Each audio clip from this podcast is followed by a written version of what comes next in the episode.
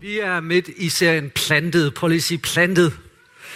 Øhm, man er generelt advaret imod at lave en toer. Nu er jeg så ude i en træer her, og vi skal se, om vi kan få noget godt ud af det.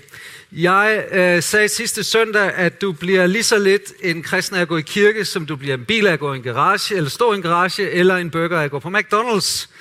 Men jeg vil så sige øh, i dag, at jeg tror, hvis du kommer i kirke søndag efter søndag, så vil jeg godt advare dig. Fordi det kan altså forandre dig. Det kan forvandle dig. Fordi det, vi har med at gøre i evangeliet om Jesus Kristus, det er ikke bare information, det er kraft til transformation. Amen. Så Gud elsker dig, som du er, men får meget til at lade dig blive, som du er. Han vil gerne forandre dig, forvandle dig. Og faktisk så står der i Bibelen en af Jesu lignelser, om, øh, hvor han sammenligner os med en dej, og så siger han bare en lille smule surdej, som Guds rige er, at komme ind i vores liv, det vil hurtigt gennemsyre hele dig. Kan du ikke lige sige til din sidemand, du er så dejlig og så gennemsyret?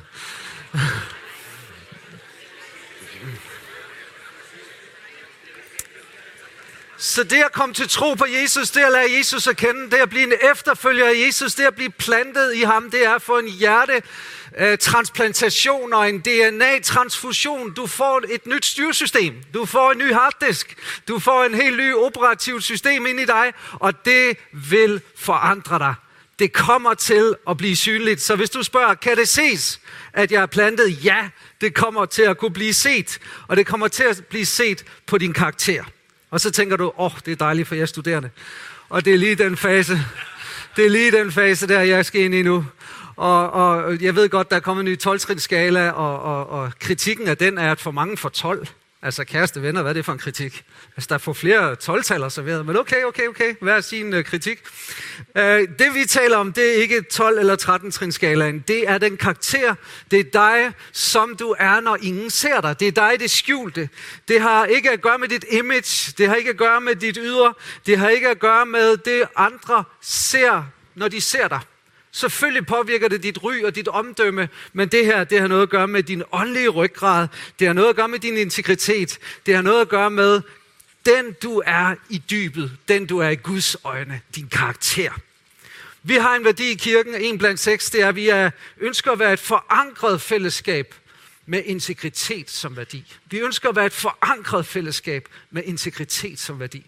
Forankret, plantet, rodnet, øhm, køl på skibet, så uanset hvor meget blæsevejr der kommer, så kan vi navigere, fordi vi er forankret. Vi har køl på skibet og integritet som værdi. Det er et svært ord, men det betyder jo egentlig bare, at vores liv er integreret. Vi lever ikke dobbeltliv. Vi lever ikke flere liv. Et om søndagen i kirken, og et andet på job mandag morgen, og et tredje i klubben, fodboldklubben eller frimærkeklubben. Nej, vi lever integreret. Vi har integritet.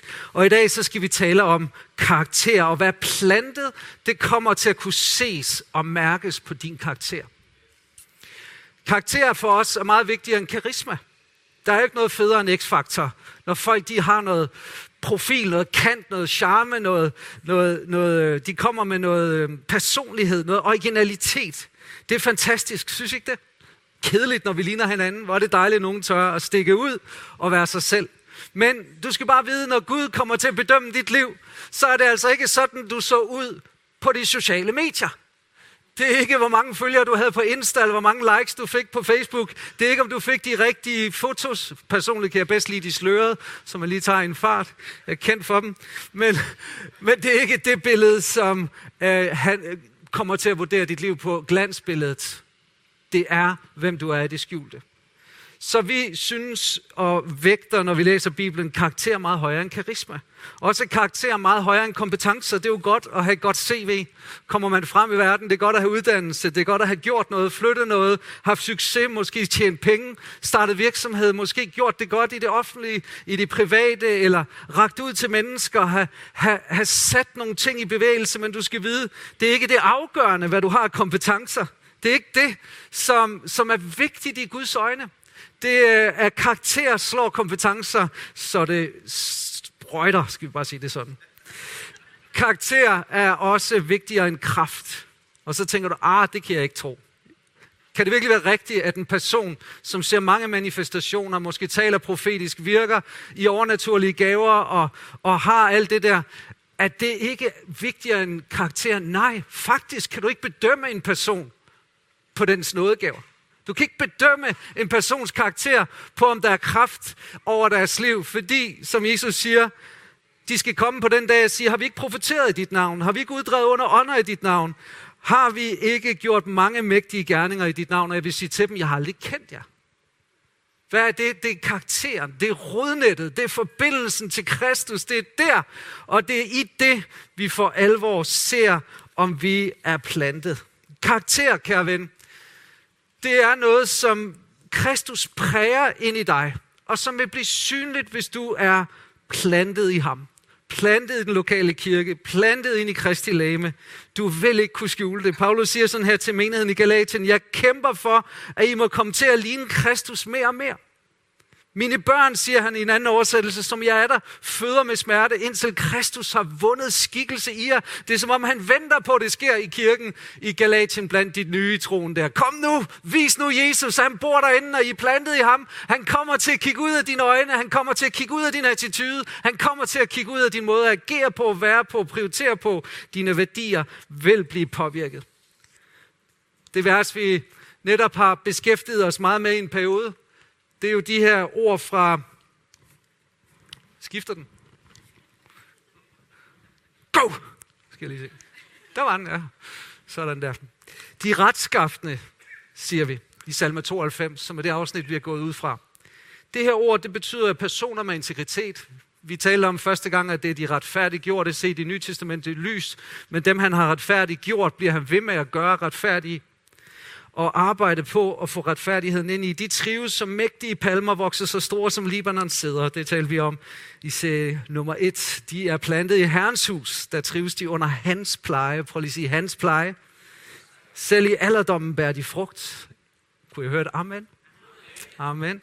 Lidt mere rustne stemmer, der kunne mærke. De bevarer deres friskhed og livskraft. De vidner om Herrens beskyttelse. Han er helt igennem god og retfærdig. Skønt vers, skønt afsnit, skønt af, kapitel øh, i det hele taget, skønt, skønt afsnit. Ja, nu gentager jeg mig selv. Det var fordi, jeg synes, det var så stærkt. Første gang, jeg sagde lige igen to gange. Hvad vil det sige at være plantet i Herrens hus? Vi taler om første gang, det vil sige at være plantet i Kristus, slå rødder i ham, have tilliden i ham, i hans ord, i hans nærvær. Så talte vi sidste gang om at være plantet i kirken, at Herrens hus, det er også hans læme, Kristi læme, fællesskabet, og i dag så skal vi tale lidt om, når du er plantet, så vil det give sig udtryk i frugt. Og jeg vil gerne komme med den påstand, at er du plantet i Kristus og i fællesskabet, hans læme, den lokale kirke, så kommer du under hans pleje. Menigheden er hans plejehjem. Amen. og du vil bære frugt, og du vil opleve karakterforvandling hvis du er plantet i ham og i menigheden, så kommer det til at ses. Det kommer til at synes. Og jeg har bare lyst til at sige i den forbindelse, rødder kommer før frugt. Der er mange, der har passion for frugt. Og mange har passion for rødder. Rødder, det er det skjulte. Det er rodnettet, det er det skjulte liv med Jesus. Har du passionen for rødderne, så får du lov at se frugten. Så der er to nøgler her i det afsnit til det frugtbærende liv med karakterforvandling, og det er placering, og det er pleje. Fordi der står, at det er dem, der er plantet i Herrens hus, det er placeringen, og som er under hans pleje. De personer skal opleve karakterforvandling. Amen? Det var introduktion. Har du spændt sikkerhedsselen? Har du bilen fremme? Ikke bilen, Bibelen. Det var sikkerhedsselen, der forvirrede mig så går vi ind i den tekst, vi skal have at gøre med i dag. Det er nemlig Johannes kapitel 15. Vi skal tale om vintræet, og vi skal tale om, at vi er grenene. En af mine gode venner, som jeg mødte på bibelskole, hed Ib Gren. Han fangede det hele øh, hurtigt. Og øh, han, han vidste bare, at han var en gren på det vintræ. Det håber jeg også, du ved, når du er færdig med mig i dag. Og hans ord. Der står sådan her, mens de gik, fortsatte Jesus med at tale til disciplene. Og lige for at sige, hvor vi er henne, så har Jesus rejst sig fra hans sidste måltid, sidste nadver, har siddet med de 12 disciple. Og han er på vej, vi ved ikke, om han går forbi en vingård. Det er meget sandsynligt, at der har været vintræer rundt omkring. Og så siger han og bruger den her metafor. Jeg er den sande vinstok. Prøv lige at sige sande. Det er et nøgleord her. Og min far er ejeren. En hver gren på mig, som ikke bærer frugt, den fjerner han, og en hver gren, som bærer frugt, den renser han for vildskud. Skal jeg nok lade være med at sige til, det, sige til din sidemand, du er et vildskud. Jeg kan godt lide det ord der, vildskud.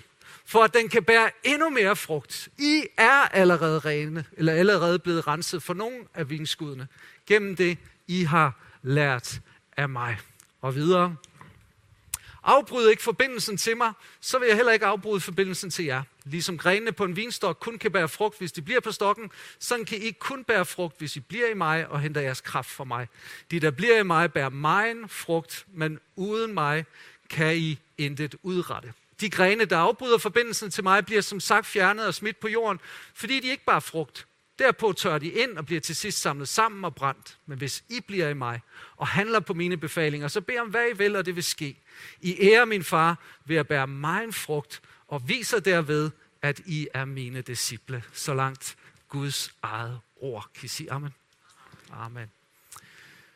Så det første, vi ser, det er placeringen er helt afgørende.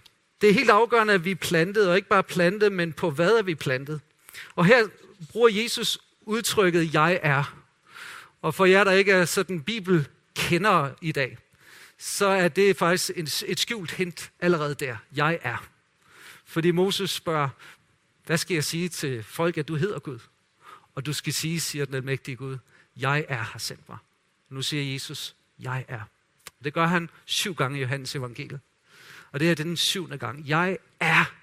Jeg er Gud den almægtige. Jeg er den sande, levende Gud. Så Gud Fader, Gud Søn og Gud Helligånd tror vi på. Og Jesus, han er sandt menneske, sand Gud, og han er det sande vintræ. Så det vil sige, at der er mange falske vintræer, fake vintræer, men det er et sandt vintræ, og når vi er plantet ind i det sande træ, så bærer vi sand frugt og oplever sand karakterforvandling. Og det er så afgørende, at vi er plantet på det sande træ, som Kristus er. Der er så mange træer, som vi kunne blive plantet ind i, hvor, som ikke forvandler, som vi tror kunne forvandle, men de gør det ikke. Hvis du er plantet ind på ham, så vil du blive forvandlet. Jeg glemmer ikke, da jeg var præst i kirken i Kulturcenteret. Det var sådan en, en oplevelse, der satte sig. Jeg gik ind i kirkesalen og så en person, jeg ikke havde set der før, og sagde, hej, hvem er du? Og vedkommende introducerede sig ved navn. Og så sagde hvad har bragt dig hid? Jeg synes ikke, jeg har set dig før. Jeg er kommet her for første gang, sagde jeg vedkommende. Nå, hvad har bragt dig? Jeg er sådan en selvisk person. Jeg har brug for at få et opgør med min selviskhed og blive forvandlet til et uselvisk menneske. Wow. Tænk, wow, hvilket formål at komme i kirke med. Hvordan kan en selvisk person blive forvandlet til en uselvisk person? Hvordan kan en hissig person blive forvandlet til en mild? Jeg har det lidt i mig, kan I nok se. Hvordan kan en bekymret person blive en fredfyldt person? Hvordan kan en utroværdig person blive troværdig? Hvordan kan en ustabil person blive som en klippe? Der er ikke noget mere relevant spørgsmål for os som individer, for os som kirke, for os som by, Aalborg og som samfund. For hvad vil det betyde for hjem og familier, hvis mor og far oplever karakterforvandling? Hvis de virkelig bliver milde, hvis de virkelig bliver tålmodige, kærlige, hvad vil det gøre ved vores by, hvis alle ledere, medarbejdere i den offentlige sektor bare bragte åndens frugt med sig og lignede Jesus i deres karakter? Hvad vil det gøre på vores arbejdspladser? Hvis du går ind i boghandlere i Aalborg, så vil du finde oceaner af bøger om personlighedsudvikling og nøgler til at udvikle sit potentiale og blive det sande, det, en bedre version af sig selv. Men det er enten mekaniske bøger, der siger, her er en ny teknik, eller det er moralske bøger, som peger på en eller anden eskese, som skal hjælpe dig, eller bøger om magi eller ny religiøsitet, som siger, link op med den her kraft eller den her ånd, og så vil det ske i dit liv. Men jeg vil bare sige til dig, Jesus er nøglen til sand karakterforvandling. Det er et fakta, og det er en mulighed. Han siger meget tydeligt, at han vil forvandle os, og vi skal blive forvandlet af ham. Så er du plantet det rette sted, så kommer du også under den rette pleje. Jesus siger, jeg er den sande, det sande, det, den sande vinstok, og min far er ejeren. Nogle oversættelser siger gardneren eller vingårdsmanden. Øh, på engelsk wine dresser. Så Gud fader har opsyn med den plante. Læg mærke til, at planten egentlig både er Jesus og os sammen. Han har opsyn med den forbindelse, som vi er med Kristus. Han øh, har et hjerte for frugt. Hele afsnittet handler om faderens passion for, at du og jeg skal forvandles. At vi skal blive mere og mere ligesom ham. Der står i Romerne 8, at vi skal blive de første, at Jesus skal blive den første fødte blandt mange brødre. At vi skal formes efter hans billede. Så han er prototypen, og vi skal ligne ham i alle ting. Så faderens formål i dit liv, det er, at han vil fostre frugten frem. Han er fuldstændig optaget af det eneste formål i dit liv, og det er at gøre dig til en person, der er fyldt med hans herlighed, og som kan bringe skønhed frem i dit liv, så du bliver et smukt og godt menneske med Jesus som forbillede. Det er det, han ønsker. Det er det, han arbejder på. Det er det, han tager fat i. Han vil fjerne hver en brist. Hans passion, det er frugt. Hvis du læser hele afsnittet, så vil du lægge mærke til, at det starter med ordet frugt. Så står der mere frugt, står der meget frugt, og Jesus siger, derved æres min far, at I bærer meget frugt. Og senere i afsnittet står der, at ikke vi har udvalgt ham, men han har udvalgt os og sat os til at gå hen og bære frugt, og det er en varig frugt. En frugt, der holder ind i alderdommen. Den holder i 20'erne, den holder i 30'erne, den holder i 40'erne. Ven, den holder i 70'erne, den holder i 80'erne. Den holder indtil vi skal hentes hjem. Der er en karakterudvikling, som er fantastisk. Og igennem hele Nye Testamente, så er det tydeligt, at når ordet frugt bruges, så tales der om karakterudvikling. For eksempel i Galaterne 5:22, når der nævnes, åndens frugt er. Og prøv at lægge mærke til, at der står ikke frugter. Åndens frugt er kærlighed, glæde, mildhed, godhed, trofasthed, sagmodighed. Åndens frugt er selvkontrol. Hvorfor står de i ental? Jo, du kan ikke tage en af dem ud og så sige, nu er jeg kærlig. Så har jeg det. Jeg er godt nok ikke særlig tålmodig. Kort lunde. Fordi en person, der er utålmodig, er ikke kærlig. Eller, jeg er kærlig, men glæde, det har jeg ikke så meget af. Jeg er en af de sure druer.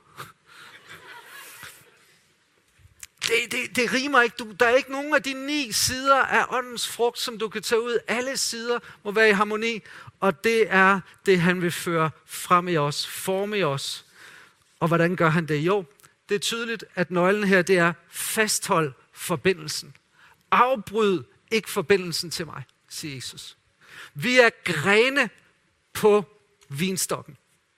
Det vil sige, vi er fuldstændig afhængige af Kristus. Der er ikke nogen teknik. Der er ikke et eller andet fænomen af åndskraft uden for Jesus. Der er ikke nogen askese, som kan forvandle din karakter. Alene Kristus og hans liv kan forvandle dig.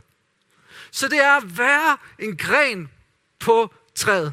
Og nu skal I bare se, at jeg var ude og bruge 104 kroner i går på sådan en vinstok her. Og det er altså ikke en gammel en. Jeg spurgte ekspedienten, hun vidste ikke helt, hvor gammel den var. Hun skød på et års tid. Jeg sagde, det var godt nok rimelig pæn vækst på et år. Men øh, det ved vi jo rent faktisk ikke. Men den her vinstok, det der er så interessant ved den, synes jeg, det er, hvor meget grenene er integreret på stammen. Så, så der er altså en sammenhæng imellem, hvor tyk grenen bliver, og hvor stort kontaktpunktet er her. Så jo tykkere gren, jo kraftigere og større kontaktpunkt. Så du vil gerne have mere frugt. Du vil gerne ligne Jesus endnu mere. Mere karakterforvandling. Hvad skal du gøre? Bare gør forbindelsen til ham stærkere. Det der kontaktpunkt, det er helt afgørende. Når det forsvinder, så forsvinder karakterforvandlingen. Der er nemlig to slags grene, siger Jesus. Der er den slags gren, som er vissen. Han siger, at de grene, der afbryder forbindelsen til mig, bliver som sagt fjernet og smidt på jorden. Fordi de ikke bare frugt. Derpå tør de ind og bliver til sidst samlet sammen og brændt. Det er altså grene, som har været på træet, men som har mistet forbindelsen. Og sådan en gren afskåret kan godt se ud, som om den har liv for en tid, men den vil stille og roligt tørre ind, og den vil ikke kunne bære frugt. Den vil bare blive kastet væk, og den vil være som affald. Hvad er pointen her? Jeg tænker måske, at vi skal se den i konteksten. Jesus kommer lige fra måltidet, og han siger, en af jer skal forråde mig. Fortabelsens søn. Og de sidder og diskuterer, hvem er det mund? Det vil ikke mig, det vil ikke mig, det vil ikke mig. Underforstået, de kunne ikke pege nogen ud. Fordi Judas gjorde alt det, de andre gjorde. Judas så ud som dem. Han deltog i bønden, han deltog i aktiviteterne, han havde ansvaret for økonomien. Han, han lignede en af dem alle sammen. De troede, de alle var på fast forbundet med stammen. Men Jesus vidste godt, der var en af dem, som var tørret ind. Måske aldrig havde haft forbindelse. Og Jesus udpegede ham. Han kendte hjertet. Og der er ingen i dag, som ved egentlig, hvem der har fast forbindelse til Kristus. Det er kun Gud, der ved det. Det er ham, der kender hjertet. Og om du har fast forbindelse til ham, så vil det synes på karakteren. Fordi Jesus siger, på frugten skal træet kendes. Hvis du glider væk fra Kristus. Hebræerbrevet handler om kristne, som så småt er ved at blive sløve i deres tro. Faktisk det ord, der bliver brugt, betyder svære at skubbe på. Og Hebræerbrevets forfatter advarer og siger, at det er muligt at have oplevet at falde væk og sive bort. Og derfor er der kraftige formaninger i Hebræerbrevet til troende, som de andre troede, var helt med og havde fast forbindelse og sige, pas på, I ikke mister det og tør ind, fordi der er en virkelighed. Den virkelighed er, at dem, der har fast forbindelse med Jesus, så længe de er her på jorden, og får fat i den, inden de dør, den faste forbindelse fortsætter efter døden. Men det her afsnit handler også om de her ord, at hvis ikke du får den forbindelse inden døden, hvis du er adskilt fra Kristus, tørret ind uden hans frugt, så fortsætter adskillelsen.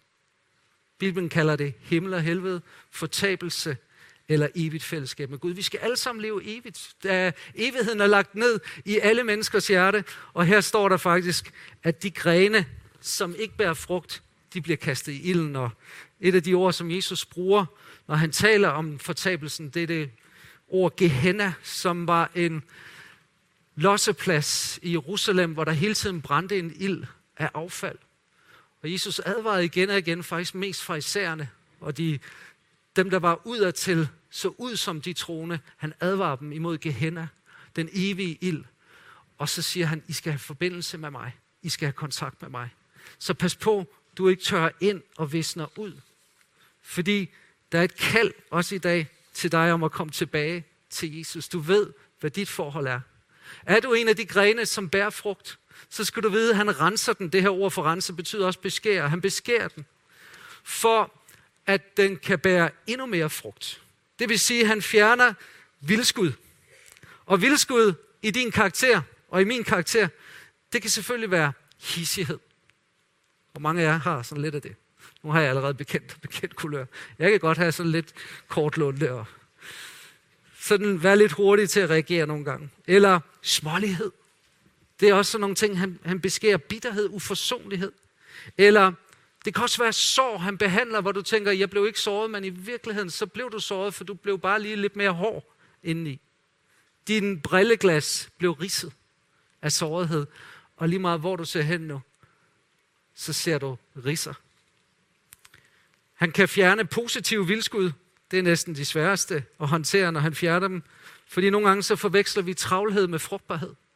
Og så begynder han at beskære os for aktiviteter. Beskære os på jobbet. Degradere os. Åh, oh, jeg havde håbet at få forfremmelse. Bum. Det fik ikke jobbet. Okay. Kan det være en beskæring? Kan det være noget andet er vigtigere? Åh, oh, jeg fik ikke jeg bestod ikke eksamen. Nu skal jeg noget andet. Kan det være, faderen beskærer dig? Hvad er det i dit liv, som han er i gang med at beskære?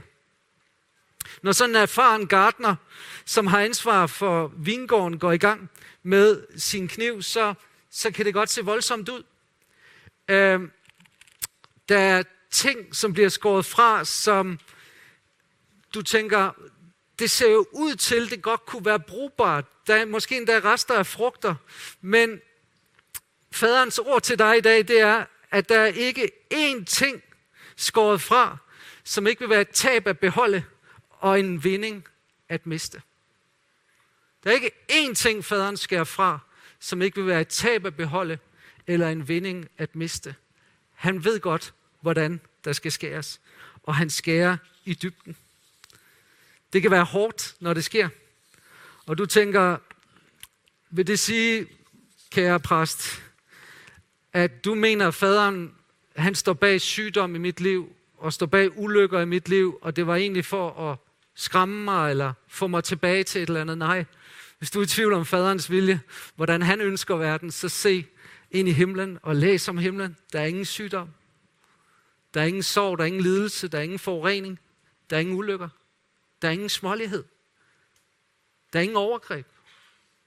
Faderens vilje er, at vi skal få lov at opleve en ny himmel og en ny jord, hvor retfærdighed bor. Men han er i stand til at bringe os til et punkt, hvor ting i vores liv, som rammer os, fordi vi lever i en forkrænkelig verden, som rammer os, fordi vi dummer os, eller som rammer os, fordi at der er angreb i vores liv på os af vores sjæls fjende, så skal du vide, at han er i stand til at få det til at virke som en beskæring, og ikke bare som et tab. Når jeg tænker på mit eget liv, hvordan Gud han har bragt mig igennem situationer, så den karakterudvikling, hvis du lavede en graf over den, så i de perioder, hvor jeg bare følte, alt er gået som smurt, så er det stået stille. Det er de perioder, hvor Gud har ledt mig ind i tørke, ind i krise, ind i konflikt, hvor, hvor, hvor fjenden har raset. Det er som om, det er der, at karakteren for alvor har været formet, og han har brugt lidelse, han har brugt krise, han har brugt svaghed, og derfor siger Jakob, vi skal regne det for lutterlavkage, det siger han ikke, lutterglæde, når I kommer ind i kriser af mange slags. Jeg læste et citat af Charles Spurgeon også, som jeg lige skal komme til først bare at sige, Gud belønner vækst med beskæring. Kan I sige til det? En dejlig opmuntring. Yes. Vokser. Værsgo. Hvad er det for en kniv, han bruger? Det er Charles Spurgeon, som blev kaldt prædikanternes fyrste. Han siger, beskæring af alle frugtbare troende skæbne. Det er en udbredt tanke, at det er vores kriser og kampe, der beskæres. Det er jeg ikke sikker på, siger han. Det er Guds ord. Og så bruger han vers 3, hvor der står, I er allerede rene på grund af det ord, jeg har talt til jer. Der beskærer den troende prøvelser af knivens håndtag og slibestenen, der gør kniven skarp. Du ved godt, Gud han visker nogle gange ind i dit øre, eller han, han taler til dig, men når du kommer ind i kriser og kampe, så råber han til dig. Og saksen, der fjerner blødt tøj og blot lægger sygt kød, så kirurgens skalpet kan komme til. Mm, det bliver godt det her, var. Dejligt opmuntrende tale. Kirurgen, han skærer i dig for at fjerne det syge. Prøvelser gør os klar til at føle ordet, siger Charles Spurgeon. Men den sande kniv, der beskæres, er Guds ord i den store vingårdsmands hænder. Nogle gange, når du ligger syg i sengen, tænker du mere på ordet, end du gjorde før. Hvor mange kan sige amen til det? Jeg har oplevet personer i den her forsamling, nu har jeg alligevel været her en 13 års tid, hvor personer, som har været sådan, kan man sige, almindelig passioneret, det var så nordjysk for jævn lunkne, kommer ind i kommer ind i svære tider og kriser og kampe. Det kan være en diagnose selv, de har fået, eller en diagnose, en i familien har fået. Pludselig sker der lov for, så bliver der udfyldt bønnekort. Man møder op til bønnemøde. Man læser sin bibel. Man er hver eneste søndag, man kommer i gruppe, og man er så desperat, hvad der er sket. Gud han bruger nogle omstændigheder i vores liv til at fremme hans sag og beskære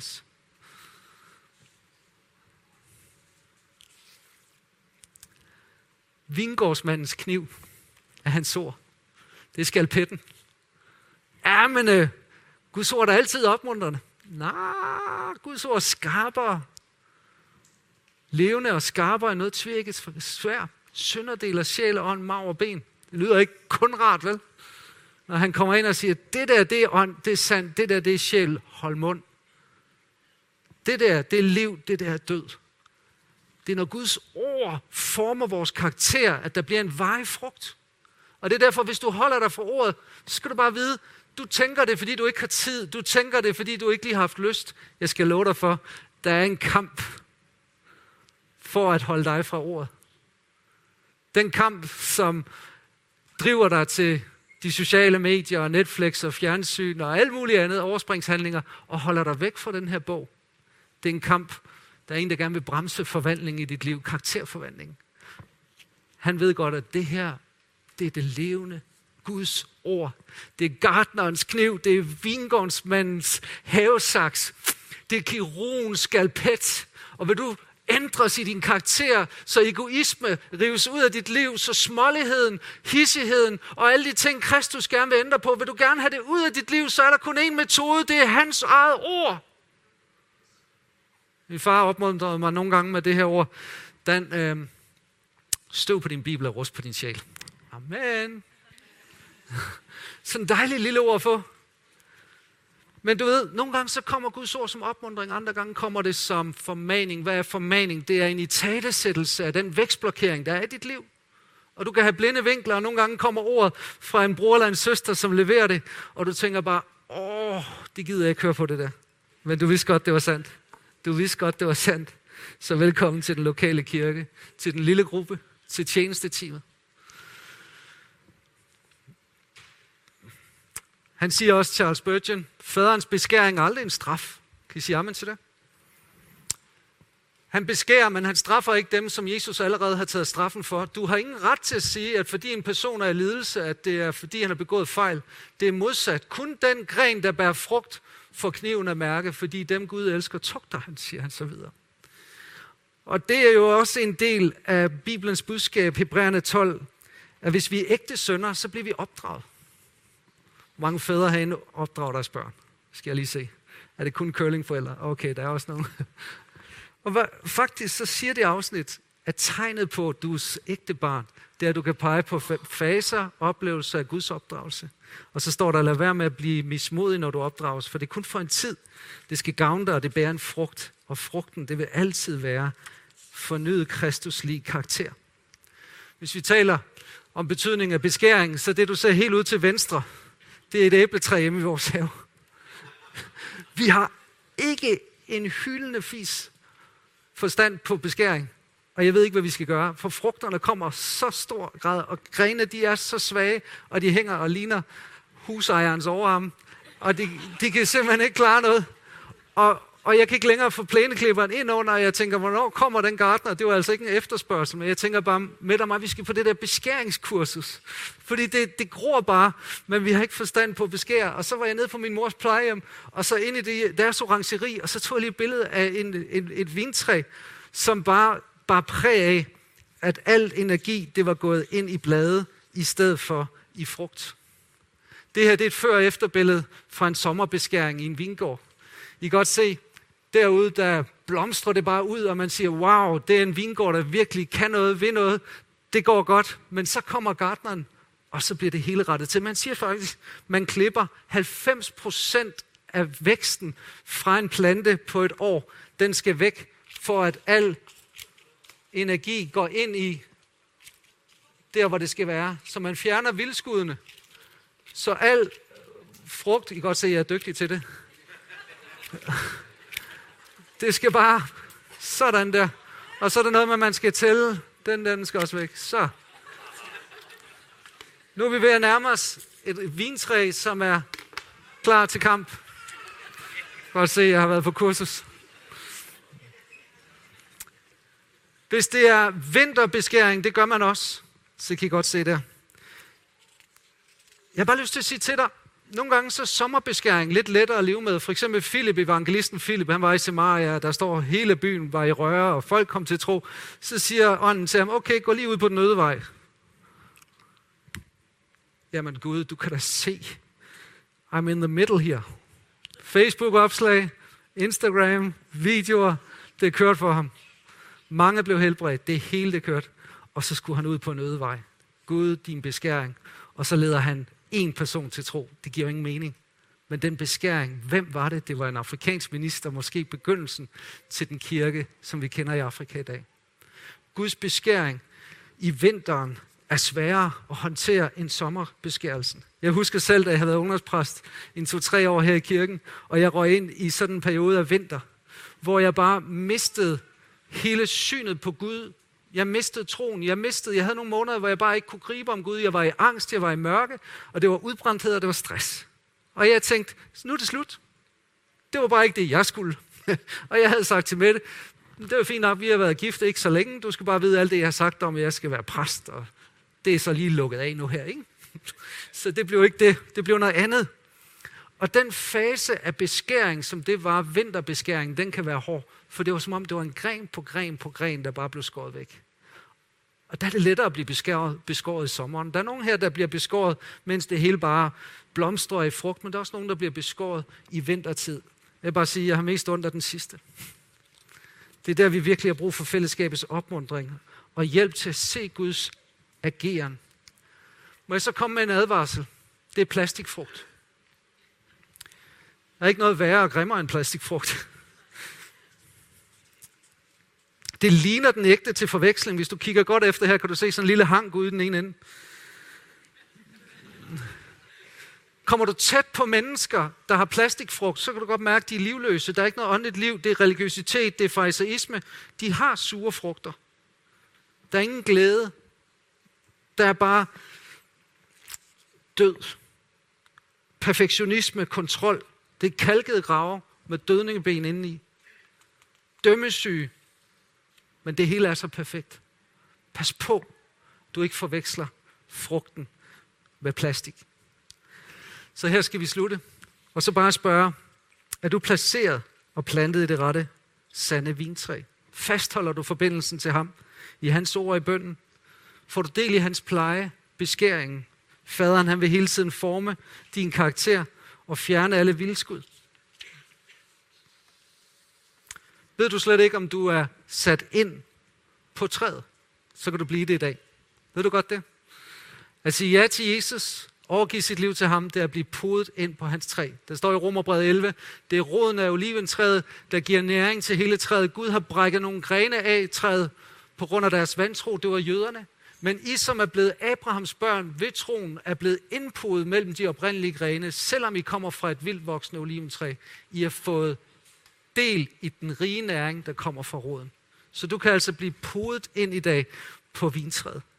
Du kan opleve Jesus tager dig ind til sig og gør dig til en gren på hans træ. Så hans liv, hans karakter bliver formet i dig. Og faderen får fuld fokus på at fremme frugten i dit liv. Så du ikke længere behøver at frygte for, om frugten vokser, men du kan hvile i, at han gør det. Det er Kristuslivet, der virker i dig og igennem dig. Og bare lige til sidst. Faderen er langt mere optaget af at gøre noget i dig, end igennem dig. Det er så farligt, at vi bliver et fællesskab fyldt af aktivitet, der fortæller om frugter, som aktiviteter. Men når du kommer tæt på fællesskabet, så er det plastik. Så er det tørre gren. Det er helt afgørende, at vi husker tid med beskæring. Hvor vi bare ligger i blød. Der er nogen her, der har mistet titel, du har mistet position, du har mistet aktivitet i dit liv, og du har råbt til Gud og sagt, Gud, hvorfor fik jeg ikke det job? Og Gud han sidder deroppe og siger, åh, den gren, den skærer jeg lige væk. Det blad, det er et vildskud. Du så det som en mulighed, han så det som et vildskud. Skal vi bede sammen?